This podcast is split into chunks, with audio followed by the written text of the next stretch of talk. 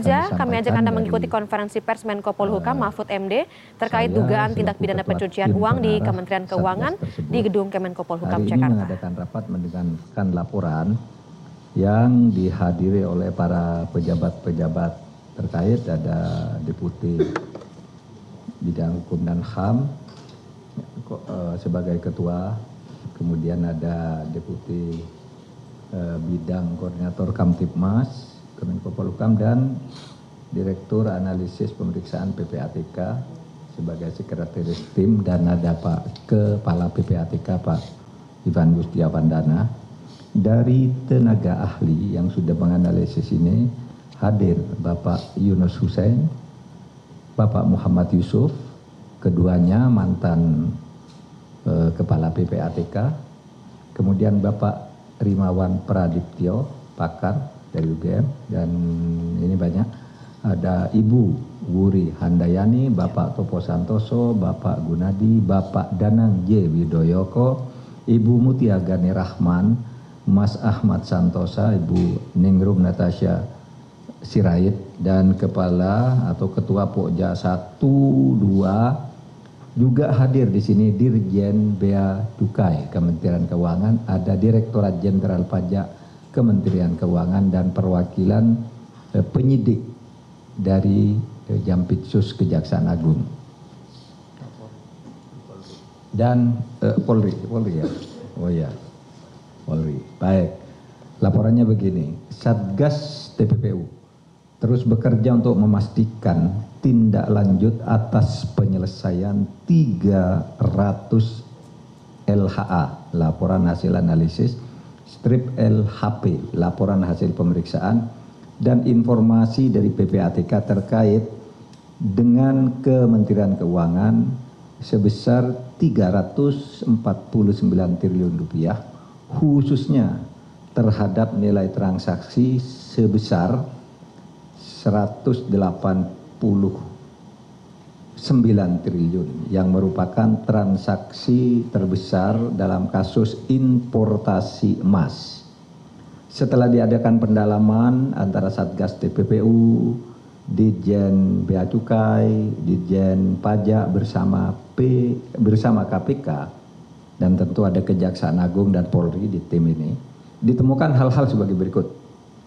Penyidik Direktorat Jenderal Bea Cukai meyakini telah memperoleh bukti permulaan terjadinya tindak pidana kepabeanan dalam penanganan surat yang dikirimkan oleh PPATK nomor SR 205 strip 2020 dengan nilai transaksi mencurigakan sebesar 189 triliun rupiah. Penyidik telah menerbitkan surat perintah penyidikan bernomor 7 tanggal 19 Oktober 2023 dengan dugaan pelanggaran Undang-Undang Kepabeanan dan Undang-Undang Tindak Pidana Pencucian Uang serta sudah menyampaikan surat pemberitahuan dimulainya penyidikan atau SPDSP kepada bidang pidana khusus Kejaksaan Agung Republik Indonesia.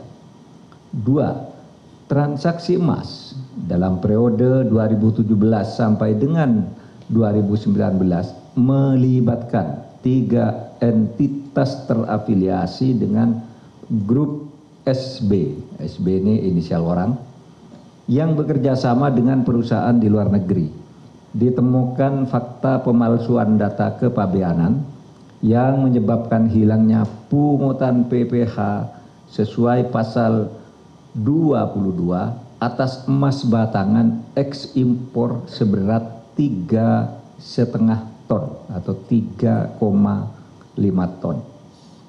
Tiga, modus kejahatan yang dilakukan adalah mengkondisikan seolah-olah emas batangan yang diimpor telah diolah menjadi perhiasan dan seluruhnya telah diekspor. Padahal berdasar data yang diperoleh emas batangan sebesar tiga setengah ton diduga beredar di perdagangan dalam negeri. Dengan demikian, grup SB telah menyalahgunakan surat ketetapan bebas PPh pasal 22.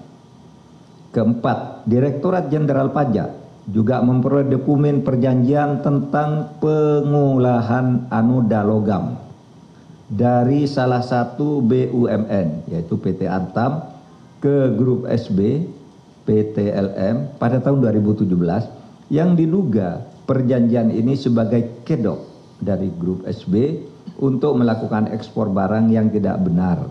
Saat ini masih ditelusuri jumlah pengiriman anoda logam dari PT ATM ke PT LM dan pengiriman hasil olahan berupa emas dari PT LM ke PT ATM untuk memastikan nilai transaksi yang sebenarnya. Yang kelima, Direktorat Jenderal Pajak memperoleh data bahwa grup SB melakukan SPT secara tidak benar. Sehingga Direktorat Jenderal Pajak menerbitkan surat pemerintah pemeriksaan bukti permulaan atau PIN Bukper tanggal 14 Juni tahun 2023 terhadap empat wajib pajak grup SB. Data sementara yang diperoleh terdapat pajak kurang bayar beserta denda yang diperkirakan mencapai ratusan miliar rupiah untuk grup SB. 6. Dalam menjalankan bisnisnya, SB memanfaatkan orang-orang yang bekerja padanya sebagai instrumen untuk melakukan tindak pidana kepabeanan, perpajakan, dan tindak pidana pencucian uang. Dan terakhir, PPATK telah menyerahkan data tambahan transaksi keuangan mencurigakan yang berasal dari puluhan rekening grup SB kepada Direktorat Jenderal Pajak untuk dilakukan analisis kebenaran pelaporan pajaknya. Saudara, itulah perkembangan tentang penanganan kasus tindak pidana pencucian keuangan yang dulu sempat gaduh di DPR. Jadi ini terus berlanjut. Memang penanganannya terpisah-pisah karena itu melibatkan 300 surat. Banyak yang sudah ditindak dari kasus dari kasus ini misalnya Rafael Alud, saudara tahu Prayitno, angin Prayitno juga saudara tahu ada di dalam 300 surat itu. Sekarang sudah. Kemudian di berbagai tempat, di Bandara Suta misalnya juga sudah ditangani. Kemudian ada pemecatan secara administratif, mutasi, penurunan pangkat dan sebagainya. Sudah ada semua. Tapi pidananya harus terus dilanjutkan. Dan banyak yang bertanya, mengapa lama? Saudara, penegakan hukum itu memang lama karena harus hati-hati agar orang yang tidak salah tidak menjadi korban.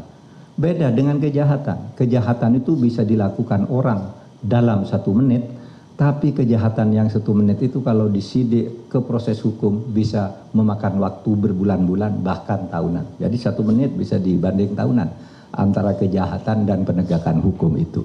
Nah itu saja laporan dari saya. Terima kasih. Assalamualaikum warahmatullahi wabarakatuh. Sudah Pak ya?